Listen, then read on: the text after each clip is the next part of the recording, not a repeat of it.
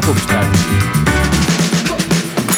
kogumispäevik. tere tulemast kuulama Eesti esimest rahatarkuse podcasti. minu nimi on Kati Voomets ja kogumispäeviku podcastis räägime põnevate saatekülalistega sellest, kuidas ronida rahatarkuse redelil ülespoole ja jagame praktilisi nippe, kuidas enda ja oma pere rahalist heaolu parandada tänase saate salvestame siis kriisiolukorra tõttu distantsilt, et see kvaliteet võib olla kohati kehvem, aga loodame, et see sisu on ikkagi siis piisavalt põnev, et, et seda kuulata. ja kuna praeguses olukorras veedame me tavapärasest rohkem aega kodus, siis räägime sellest, kas ja milleks kindlustada oma kodu. ja tänane saatekülaline äh, on Liina Laks tere, Liina, räägi, kes sa oled ja kust sa tuled? Eh, tere, Kati. Eh, mina olen siis Swedbanki varakindlustuse tootevaldkonna juht ja vastutan ühtlasi siis ka kodu- ja korterelamu kindlustuse eest. ja Swedbankis olen ma töötanud juba üle seitsme aasta et aeg lendab kiiresti. Ja noh, nende aja, selle aja jooksul on olnud äh, mul kogemusi ka erinevalt, erinevatelt positsioonidelt, et äh, alustasingi siis kunagi kontorist, liikusin edasi nõustamiskeskuse kindlustusspetsialistiks. Äh, siis äh, vahepeal käisin personaalsete pakkumiste osakonnas projekte juhtimas. Ja nüüd eelmisel aastal siis äh, jõudsin tagasi uuesti oma kõige südamelähedasema teema ehk siis kindlustuse juurde ja noh, võib-olla siis endast nii-öelda ka vaba aja kontekstis, et, et ma armastan teha tervisesporti, et hoida siis oma keha ja vaim virge. Ja, ja mulle meeldib olla palju looduses ja ka üks äh, põnev hobi äh, on seotud mul ladinatantsudega, äh, mis siis puudutab selliseid huvitavaid tantse nagu salsa, bachata, kizomba. et noh, hetke eriolukorda arvestades tuleb küll nüüd koduseinte vahel tantsida, aga, aga loodan, et peatselt siis on võimalik ka, ka nii-öelda teistega jälle koos, koos seda toredat hobi harrastada väga-väga põnev, aga selleks, et veelgi rohkem sinu kohta veidi teada saada, alustame sellise lühikese äh, mänguga, et mina siis küsin kolm küsimust või ütlen sellist väidet ja siis sina vastad nendele. et äh, milline oli sinu esimene taskuraha, et äh, kui, kui suur see oli ja mida sa sellega tegid, kui sa mäletad? Äh, esimene taskuraha, et selle ma teenisin äh, tõenäoliselt seal põhikooli alguses äh, maasikapõllul maasikaid korjates et äh, ma olen pärit Lõuna-Eestist ja mu vanemad tegelesidki tollel ajal maasikakasvatusega äh, ning äh, seetõttu mul ei olnudki vaja kuskilt kaugelt töövõimalusi otsida. et noh, päris täpselt ma nüüd neid summasid küll ei mäleta, aga, aga igal juhul jah, et, et maasikapõllult need esimesed nii-öelda rahasummad minu taskusse jõudsid. ja noh, üleüldse põhikooli ajal me tegelikult iga, igal suvevaheajal käisime sõbrannadega kuskil talus aia ja põllutöid tegemas, eh, millega siis seoses saigi tegelikult mitu head asja ühildada, et nii raha teenimise kui ka laheda seltskonna ja noh, mul on hästi eredalt meeles üks äh, kurgitaimede istutuspäev, kus me pideva kükitamise, püstituõusmise, kükitamise äh, tagajärjel äh, siis äh, oli järgmine päev olukord selline, et ma voodis sisuliselt püsti ei saanud, sest et lihased olid lihtsalt nii valusad. ja noh, see õpetas ka, et tuleb järjepidevalt trenni teha tuleb trenni teha järjepidevalt ja, ja raha teenimine on ikka päris keeruline, et äh, mul samamoodi hakkas see karjäär, töökarjäär siis maasikapõllul. aga kuna sa kindlustusega iga päev tegeled, siis selline järgmine küsimus, et milline oli sinu esimene või siis viimane kindlustusjuhtum? Mm. -hmm. kuna ikkagi lapsepõlvest on äh, need mälestused võib-olla kõige sellised eredamad, äh, siis äh, minu esimene selline kahjujuhtum tuleneb ka samamoodi põhikooliaegsest ajast ja vanematekodust. et elasime korteris küll, aga meil oli ka eraldi maja, mida siis tuleviku tarbeks renoveeriti ja ühel päeval siis sinna maja juurde minnes avastasime, et äh, nii põhihoonesse kui kõrvalhoonetesse on sisse murtud ja kaasa on viidud nii murutraktor, äh, isa metsatööriistad ja tehnika, samamoodi uus köögikubu ja ka veetorud, mida ei olnud veel jõutud paigaldada et, äh, et see oli jah, niisugune nii-öelda esimene šokk, mida ma nagu sellise äh, kodu, äh, koduga seoses mäletan. ja noh, lisaks sellest ajast ma mäletan ka ühte kõrvalhoone kustutamist, mis tegelikult kulupõlengu tõttu oli siis tuld võtnud ja noh, kuigi ma seda tõenäoliselt sellel ajal teadvustanud, eh, siis noh, tagantjärgi ma arvan küll, et eh, sellised kogemused panidki mind mõistma, kui oluline on tegelikult ennast erinevate ootamatuste vastu kindlustada e,. siis viimane küsimus e,, sinu parim investeering Äh, parimaks investeeringuks ma kindlasti pean enda puhul haridust, et äh, minu ülikooli õpingute ajal ei olnud veel sellisel kujul tasuta kõrgharidust, nagu see on praegu. ja kuna ma käisin ka õpingute kõrvalt äh, tööl, siis tuli mul enda ülikooli õpingute eest ise tasuda ja praeguseks kindlasti ma võingi öelda, et saadud teadmised on kindlasti suurema väärtusega kui õpingutele kulunud raha. super, aga liigume nüüd edasi tänase põhiteema juurde, kodukindlustuse juurde, et esimene küsimus on selline no natukene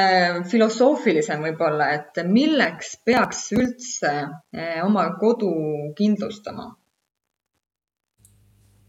mm? -hmm et äh, praegu noh, eriti arvestades praegust olukorda, eks ole, kus me oleme äh, kindlasti äh, rohkem kodused, siis ongi see olukord muutunud tegelikult selliseks, kus kodu ei ole mitte ainult kodu, vaid ka kontor ja mänguplats ja samas võib-olla te teistele inimestele on see püsiv elukoht vahetunud hoopiski maakodu vastu. aga noh, neid ootamatuid äh, juhtumeid võib ette tulla nii kodus olles kui siis ka hoopiski kodust äh, eemal viibides. ja noh, sellised riskid tegelikult tasub kõik äh, läbi mõelda selleks, et ei tekiks halbu üllatusi ja korraga selliseid suuri rahalisi väljaminekuid et äh, noh, suurimad ootamatud kulud äh, on seotud tuleõnnetustega ja neid äh, juhtub küll harvem, aga samas kahjusummad võivad ületada saja tuhande piiri. Ja väga sagedased on näiteks ka vee ja veetorustikega seotud juhtumid mis võivad äh, ka samamoodi kaasa tuua päris kopsaka väljamineku, sest äh, noh, suuremate veekahjude puhul tulebki tihtilugu lahti võtta nii seina kui põranda konstruktsioon ja need vahetada. samamoodi võivad olla saanud veekahjustusi mööbel ja tehnika ja, ja noh, nii ongi, et, et lisaks hoonele, mööblile ja tehnikale on meil tegelikult kodudes ju ka selliseid asju, millele me võib-olla igapäevaselt nagu kindlustuse kontekstis ei mõtle. et noh, näiteks hooajalised riided ja jala ja jalatsid, mida pere peale tuleb tegelikult mitukümmend paari isegi. ja noh, nende asendamine võib ka ootamatult äh, suur väljaminek olla, et äh, ühekaupa vaadates äh, tunduvad need asjad võib-olla mitte nii väga väärtuslikud või mitte nii väga hinnalised, aga neid asju kokku liites omavahel, see summa kasvab tegelikult päris kiiresti suureks. aga ja... ma, mm -hmm. nii, ma tahtsin, tahtsin lihtsalt vahele siis küsida seda, et kas need põhilised juhtumid, mida sa siis oled ikkagi ka näinud ja nii-öelda menetlenud, ongi siis seotud veeuputustega, tulekahjudega või mis need sellised kõige levinumad juhtumid eh, on, mis inimestel ikkagi igapäevaselt eh, on näha, et juhtuvad? Äh, igapäevaselt tegelikult kõige sellised levinumad juhtumid on ikkagi seotud äh, koduse varaga, et äh, neid on, neid juhtumeid on üle viiekümne protsendi juhtumitest. et noh, nende summad niimoodi üksikuna ei pruugi olla väga suured, aga nad on väga tihedad juhtumid. ja noh, siinkohal jah et, et võikski äh, kuulajad ka kodus kas või teha läbi sellise väikese harjutuse, et äh, hakkadki toas järjest äh, niimoodi ringi vaatama ja oma neid kodus olevaid asju niimoodi esemete väärtuste kaupa kokku liitma. et noh, arvestades sellega, et kui peakski täna kõik need asjad uued soetama, teler, arvuti, diivan, vaip, kööginõud, kõik riidekapis olevad riided ja jalatsid, et liidate äh, arvuti peal siis kokku nad või kalkulaatori peal ja vaatate, et mis see summa kokku tuleb. ja, ja siis peale seda tasub nagu mõelda, et kui see summa on nüüd kokku liidetud, et kas selline vaba rahasumma on mul täna pangakontol olemas, et vajadusel seda kasutada ja no tegelikult ju tuleks sinna juurde arvestada ka noh, kõik katus, seinakonstruktsioonid ja nii edasi, et me jõuamegi nüüd eh, sinna teema juurde, et eh, kui ma ikkagi olen nüüd aru saanud, et jah, mul ikkagi kodus väärtuslikke asju on ja jah, et seda mul summat säästukontol nagu võtta niimoodi ei ole koheselt. et kuidas seda kodukindlustust ikkagi siis valida, et mida ma peaks veel mõtlema läbi Eh, lisaks siis sellele, et noh, mis ma näen neid asju enda kodus, et millele ma peaks veel ikkagi mõtlema ja, ja seejärel, kuidas seda kindlustust ikkagi siis valida nii, et ta kaitseks mind ootamatu olukorra puhul Äh, jah, et äh, kodukindlustuse valimisel äh, tasubki kindlasti need kõikvõimalikud riskid siis läbi kaaluda enda jaoks ja seejärel juba saabki valida enda vajadustele kõige sobilikumad kaitsed ja ka kindlustussummad. et kuna inimeste kodud on tegelikult väga-väga erinevad, siis ka vajadused on sõltuvalt kodu eripärast ja peretüübist erinevad. ja seetõttu ei sobigi üks selline standardne ja täpselt samade kindlustuskaitsetega lahendus kõigile. et kodu varakindlustuse kaitsed koosnevadki tavaliselt kolmest osast, äh, ehitise kindlustus, koduse varakindlustus ja vastutuskindlustus ja selle jaoks nüüd, et enda jaoks kõige sobilikum lahendus leida, äh, soovitan mina teha enda jaoks täiesti sellise riskide kaardistamise või hindamise äh, tabeli. et äh, seda saab teha täitsa Excelis näiteks, võibki tekitada kolm erinevat tulpa, ühe pealkirjaks hetkeolukord, teise pealkirjaks risk ja kolmanda pealkirjaks, millist kaitset vaja on ja ma toon siis äh, siinkohal mõningad näited ka, et kuidas seda kaardistust võib-olla teha, et siis äh, saab täpsemalt sellest mõttest aru et hetkeolukorra äh, alla võib siis näiteks märkida, et noh, ütleme minu puhul elan viiendal korrusel äh,. see tähendab seda, et minu alla jääb neli korterit veel mis risk sellega kaasneb, on see, et veetoru lekke korral võib mulle tulla nelja alumise korteri kahjunõue, kui see veeuputus on nüüd päris suur. Ja millist kaitset ma nüüd siis sellise asja vastu vajan, on vastutuskindlustus ja noh, siin on oluline kindlasti jälgida seda, et see vastutuskindlustuse kaitse siis olekski piisav ja noh, mina soovitaks, et iga all oleva korteri kohta vähemalt viis tuhat eurot võiks vastutuskindlustuse kaitse suurus olla, sest noh, me kunagi ei tea, et kui, kui kallid kodusistustused, kui kalleid materjale on kasutatud, et pigem siis seda riski sellises vormis vältida ja noh, siin võib-olla veel mõningaid näiteid, et kui ma elan viimasel korrusel, siis näiteks katusest võib hakata vett läbi jooksma. Äh, seal äh, oleks kindlasti kaitse olulisus äh, see, et kindlustus kataks ka esmase läbijooksu katuse konstruktsioonist kui mul on koer, siis näiteks koertega või koduloomadega, kassidega seoses juhtumid, et kui mul, ma ei tea, sõbranna tuleb näiteks külla, ta on äsja ostnud endale uued kallid kingad ja meie rahulikult kodus teed juues äh, ja jutustades, äh, samal ajal siis koer näiteks äh, on, on need ilusad uued jalatsid ära närinud, et vot siin puhul oleks ka abi vastutuskindlustusest, et tahaks ju sõbrannaga ikka häid suhteid säilitada ja, ja kui saab vastutuskindlustuse alt selle kulu hüvitada, siis on ju väga hästi ja veel näiteks, äh, kui peres on lapsed, et äh, lastega seoses ikka juhtub, et ma usun, et kõik, kellel lapsed on, siis teavad ka seda, et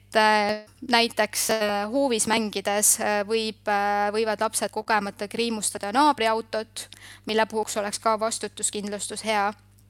Ja samamoodi lastega kodus olles, et mängu käigus ikka võib pall telerisse lennata, mille puhul olen, on jällegi abi koduse vara kaitsest kas ma sain, äh, Liina, õigesti aru, et see vastutuskindlustus kehtib siis tegelikult ka väljaspool kodu, et sa tõid selle lapse näite, et kui ta läheb sinna naabri hoovi, kriimustab seal äh, autot näiteks, et siis sisuliselt seda, seda hüvitatakse siis kodukindlustuse alt jaa, täpselt äh, nii ongi, et meie Swedbanki vastutuskindlustus siis rakendub või kaitseb ka juhtumeid, mis on toimunud väljaspool kodu Eesti piires. Et, et tõesti toimub see kuskil naabrihoovis või, või siis teisel pool Eesti otsas, et, et ka seal sellistel juhtumitel on see kaitse olemas kui nüüd äh, see tabel nii-öelda on tehtud, et ongi kaardistatud see hetkeolukord, äh, vajadused, võib-olla see varasumma, siis äh, võib-olla too näiteid ka selle kohta, et kui palju siis selline kindlustus võiks maksta, et on kindlasti olemas mingid tüüpnäited korterite kohta, majade kohta, et ma saan aru, et üks asi, mida inimesed nii-öelda kardavad, on ka see, et see kindlustus on äh, nii-öelda mõttetult äh, kallis jah, et äh, nagu ma eelnevalt äh, siis ka välja tõin, et iga kodu on erinev, seetõttu tegelikult ka kindlustusmakse võib olla erinev, aga loomulikult siinkohal ma teatud näiteid saaksin küll välja tuua. et noh, näiteks kui võtame viiekümne kahe ruutmeetrise paneelmaja korteri, mille juurde on valitud ka varakindlustuse kaitse viisteist tuhat eurot ja samamoodi vastutuskindlustuse kaitse viisteist tuhat eurot, siis on kuumakse suurus umbes kolmteist eurot eurot kuuskümmend senti. Äh, kui me nüüd võtame saja kahekümne ruutmeetrise segamaterjalist maja, siis äh, samade kindlustussummade puhul äh, oleks makse suurus kakskümmend üks eurot ja kakskümmend üks senti kuus kuigi siinkohal jälle juhin tähelepanu sellele, et maja puhul äh, kindlasti suure tõenäosusega koduse vara summast viisteist tuhat jääb väheseks ja noh, selleks, et jällegi katta kodus olev kõik vara, peaks siis enda seda hetkeolukorda teadma ja siis äh, meie Swedbanki internetipangas tegelikult äh, saab täpselt välja arvutada ka endale sobilikud kindlustusmakse suurused. ja noh, millest võib-olla veel see kindlustusmakse suurus sõltub, on see, et et äh, kas mul on ka kõrvalhooneid näiteks, et kui ma olen majaomanik, et siis äh, kõrvalhooned äh, kindlasti tuleks noh, eraldi ka juurde sinna arvestada. Ja võib-olla siin nende kõrvalhoonete ja panipaikade osas ma tahaksin ka veel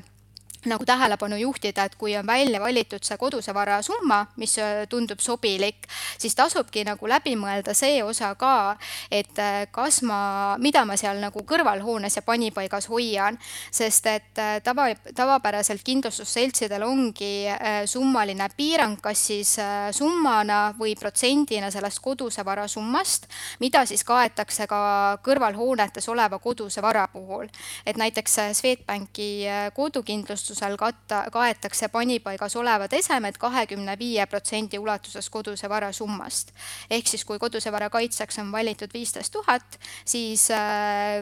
äh, panipaigas või kõrvalhoones olevad esemed on kindlustatud kolme tuhande seitsmesaja viiekümne euro ulatuses.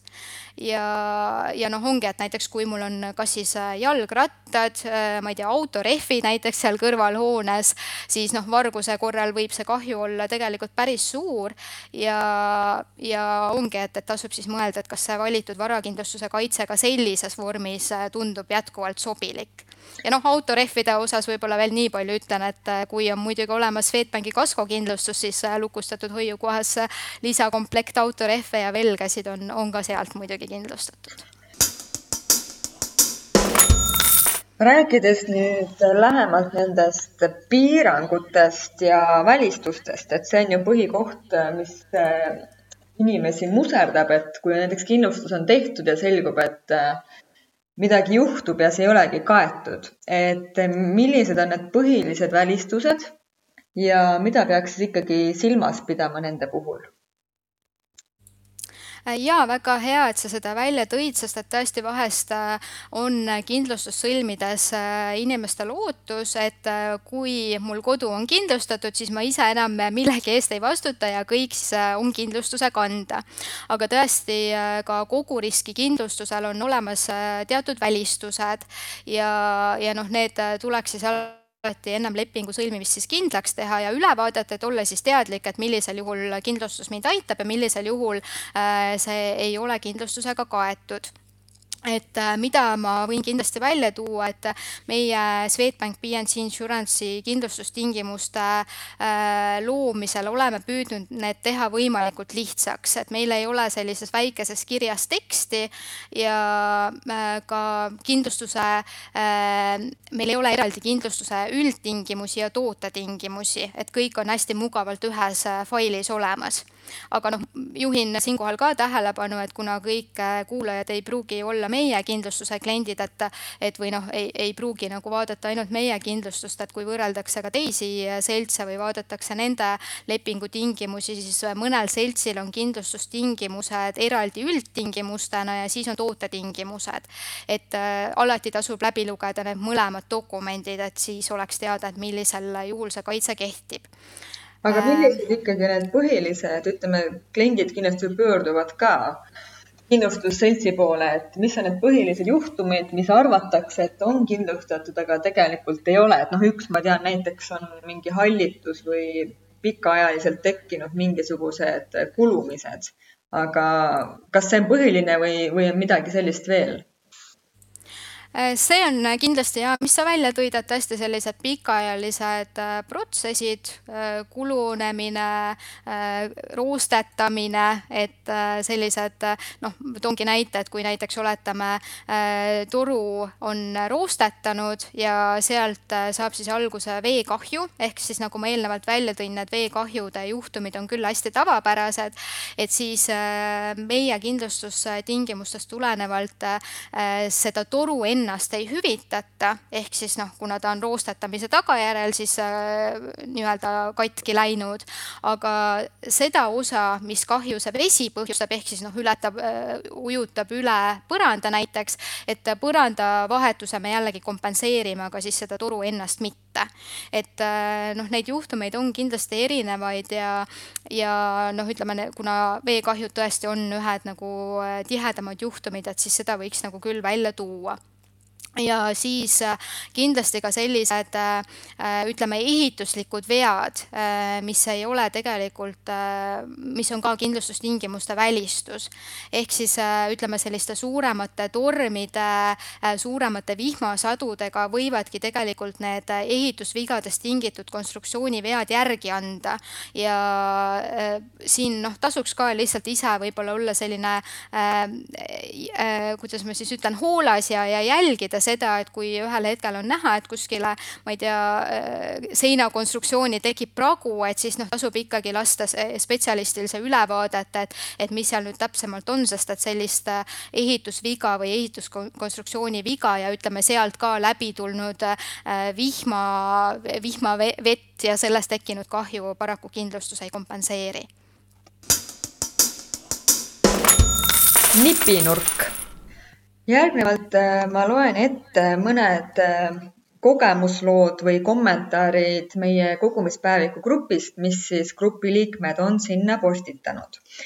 Monika on kirjutanud, et äh, kodukindlustus päästis suurtest kulutustest, kui ülemise naabri radiaator lõhkes ja uputas meie korteri korralikult üle.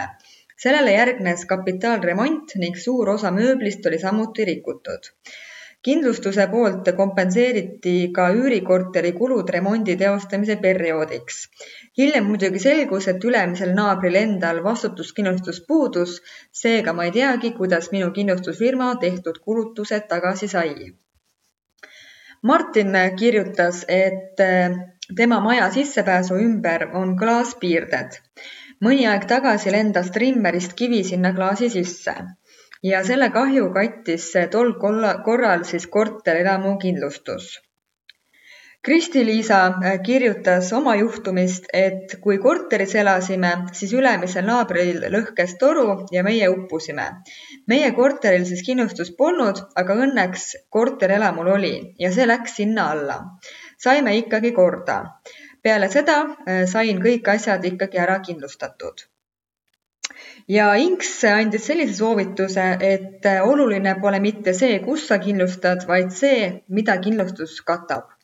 meie otsisime kindlustust päris pikalt ja lõpuks valisime mitte kõige odavama, aga kõige arukama pakkumise, sest kindlustada pole mõtet midagi ainult kindlustamise pärast. nüüd mitmed äh, kogumispäeviku liikmed tõid välja seal selliseid näiteid, mille puhul siis nemad said abi korterelamu kindlustusest. et räägime ka nüüd natukene sellest, et mis asi on korterelamu kindlustus ja kui mina elan korteris, siis äh, ja minu korter on kindlustatud, mis see korterelamu kindlustus mulle siis veel lisaks annab või kas seda on üldse mõtet äh, teha jah, et äh, korterelamu kindlustust äh, kindlasti mõtet teha on, sest et paraku noh, korteri enda kindlustus kõiki kahjusid siiski ei kata. et korterelamu kindlustuse alt hüvitataksegi siis sellised korterelamu ühisomandisse kuuluvad osad. noh, näiteks välisseinad, tehnosüsteemid, katus, rõdud, välisaknad ja uksed, vundament, kandvad seinad ja trepikojad ning liftid. ja noh, samuti ka siis need keldrid ja aiad, et, et siin ka üks aia näide oli. et äh, sellisel puhul tõesti on abi äh, korterelamu kindlustusest ja, ja noh äh,, kõik ühistu liikmed ju ka saavad omalt poolt ettepanekuid kindlasti ühistutele teha, et, et oleks ka sobilik kindlustuskaitse sellistele ühisomandis olevatele osadele olemas. aga kas selle saab sõlmida siis ikkagi korteriühistu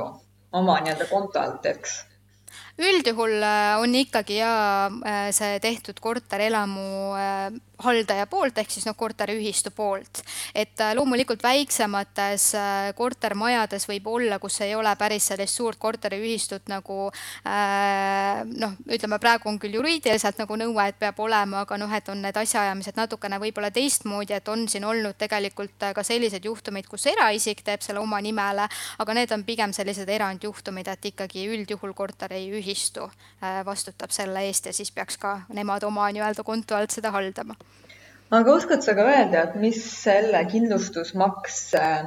nii-öelda suurusjärk on, et ma saan aru, et see ilmselt ikkagi jaotatakse kõikide elanike vahel niimoodi proportsionaalselt ära, aga räägime ikkagi summadest, sest et äh, rahateemaline podcast meil ju on, et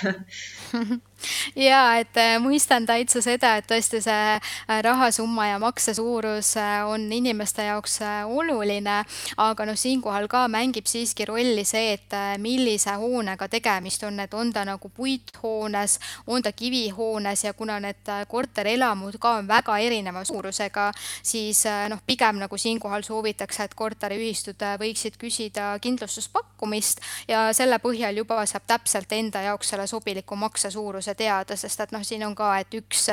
üks äh, lahendus ei sobi kõigile äh, kõik kindlasti ei ela oma äh, kodus, korteris, majas, et väga paljud ka üürivad eluaset. et kas sellise üürikorteri kindlustamine on siis selle omaniku mure või siis võiks ka üürnik äh, seda teha või sellele mõelda?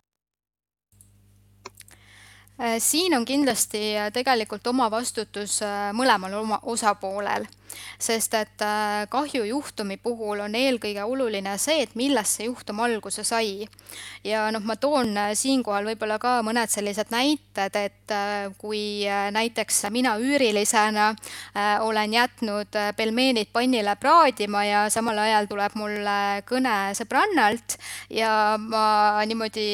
sujuvalt lähen teise tuppa diivanile temaga juttu ajama, aga, aga tegelikult pelmeenid pannil jäävad hooletusse ja sellest algab tulekahju, siis tegelikult korteriomanik äh, võib äh, selle kahjunõudega pöörduda siis minu ehk siis üürilise poole. Äh, kui nüüd aga kahju on saanud alguse noh, ütleme, ma ei tea, vigasest elektrisüsteemist, siis eelkõige on see korteriomaniku vastutus et äh, üürikorterite puhul äh, ma soovitakski seda, et mõistlik oleks omanikul ja üürnikul omavahel rääkida, et äh, kas ja kuidas on korter kindlustatud, sest et siis saab olla kindel, et kui midagi juhtub, siis kas ja kes ja kuidas selle eest vastutab. ja siis saab juba tegelikult edasi kokku leppida, et kuidas tegutseda, et igal juhul tegelikult ka üürikorterit on mõistlik kindlustada. Ja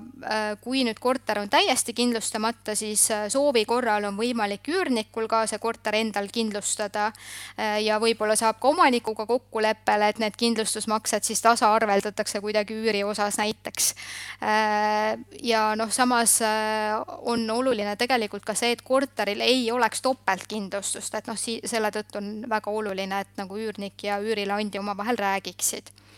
ja kui nüüd korter on juba omaniku poolt enda poolt kindlustatud, aga üüriline siiski äh, tahab kindlustada endale kuuluvat äh, korteris olevat vara, et noh, kui see korter oli täiesti tühja karbina ja, ja äh, üürnik on ise sinna sisse viinud kõik tehnika ja diivanid ja kapid ja kõik niisugused asjad ja ta ikkagi tahaks, et sellel oleks kindlustuskaitse olemas, siis neid asju on ka täiesti eraldi ilma selle korteri kindlustuseta võimalik kindlustada seda on hea teada, sest ma elasin peaaegu kaks aastat äh, üürikorteris ja ma tegin igaks juhuks ikkagi selle kogukindlustuse, sest et omanik ei olnud nagu päris kindel ja ta oli ka välismaalane muidugi, et äh, mis kindlustus ja kas on, et siis ma tegin igaks juhuks ikkagi nii-öelda selle kogu komplekti, et pigem olla kindel, et kui midagi ikkagi minu asjadega juhtub või kasvõi panipaigast midagi ära varastatakse, et siis on see kaitse nagu olemas millest me veel ei rääkinud, aga mis kindlasti ka väga paljudel on, on koduloomad. et laste poolt tekitatud äh, kahju on kindlasti kuulub, eks ole, hüvitamisele, aga kuidas nende lemmikloomadega on, kui koer närib uue diivani ära, kass kuskilt kraabib midagi, et äh, kas see on pigem on välistus või on see hüvitatud? Äh, koduloomade poolt tekitatud kahjuga on äh, jah, paraku see, et kui see kahju on tekitatud äh, minule endale või noh, minu enda varale, et näiteks nagu sa näite tõidki, et kass või koer on närinud või kriipinud ära diivani, siis see paraku kindlustuse alla ei kuulu, sest et noh, lemmiklooma võttes ma tegelikult võtan ise endale selle teat-, teatava riski. aga nüüd, kui see lemmikloom tekitabki kahju kellelegi kolmandale isikule, nagu ma ennem tõin näite siin seal nende sõbranna kingadega, et siis see ongi kolmandale isikule tekkinud kahju ja sellise kahju vastutuskindlustuse olemasolul siis äh, saab hüvitada. ja noh, mis juhtumeid ka on tegelikult olnud, kus äh, tänaval koeraga jalutama minnes on, on koerale, äh, ma ei tea, naabrimees mitte nii väga meeldinud ja on püksisäärest kinni haaranud ja, ja selle katki tõmmanud, et ka sellised juhtumid tegelikult vastutuskindlustuse alt siis saab hüvitada väga hea, mina sain igatahes väga palju targemaks, et ma teeks ka siia lõppu väikese kokkuvõtte. et eh, igal juhul tasub siis oma kodu kindlustada ja enne seda tuleks teha väikest eeltööd, et eh, kaardistadagi nii-öelda enda vajadused ja see hetkeolukord Äh, küsida pakkumist äh, nii pankadest kui siis ka muudest kindlustusseltsidest ja võrrelda neid äh, tingimusi. et üks asi on kindlasti tingimused, aga nagu üks kogumispäeviku liige ka oma kommentaaris välja tõi, et oluline on ikkagi see kaitse ulatus ja suurus ka, et kui ikkagi midagi juhtub ja et siis see nii-öelda oleks kaitstud ja kes elavad siis kortermajades, nendel tasuks mõelda ka korterelamu kindlustamise peale, sest et sellised eh, üldasjad nagu ütleme, vundament, eh, katus, eh, mis seal veel siis võib-olla korterielamu siis trepikoda, et kui midagi seal juhtub, et siis tegelikult ikkagi korteri kindlustus seda ei kata, vaid oleks hea, kui oleks olemas ka korterelamu kindlustus ja üürikorteris elajatele samamoodi eh, soovitakse kindlustust, sellepärast et see korteris asuv vara on ikkagi sinule kuuluv ja tasuks siis rääkida omanikuga läbi, et kas ja mis ulatuses temal kindlustus tehtud on. ja kui temal on näiteks kindlustatud siis ehitis, eh, siis saab eraldi kindlustada ka ainult siis seda vara. Liina, kas sa tahad midagi siia lõppu veel meie kuulajatele öelda, soovitada? Äh, ma tänan kindlasti kõiki kuulajaid ja soovin äh, turvalist aega kodudes oma pereseltsis ja püsige terved. Äh, aitäh ja kõikidele kuulajatele mina veel soovitan seda, et subscribe ige meie podcasti, jagage seda, pange viis tärni ja siis kohtumiseni teiega juba uutes episoodides. Olge terved ja tšau. kogumispäev. kogumispäev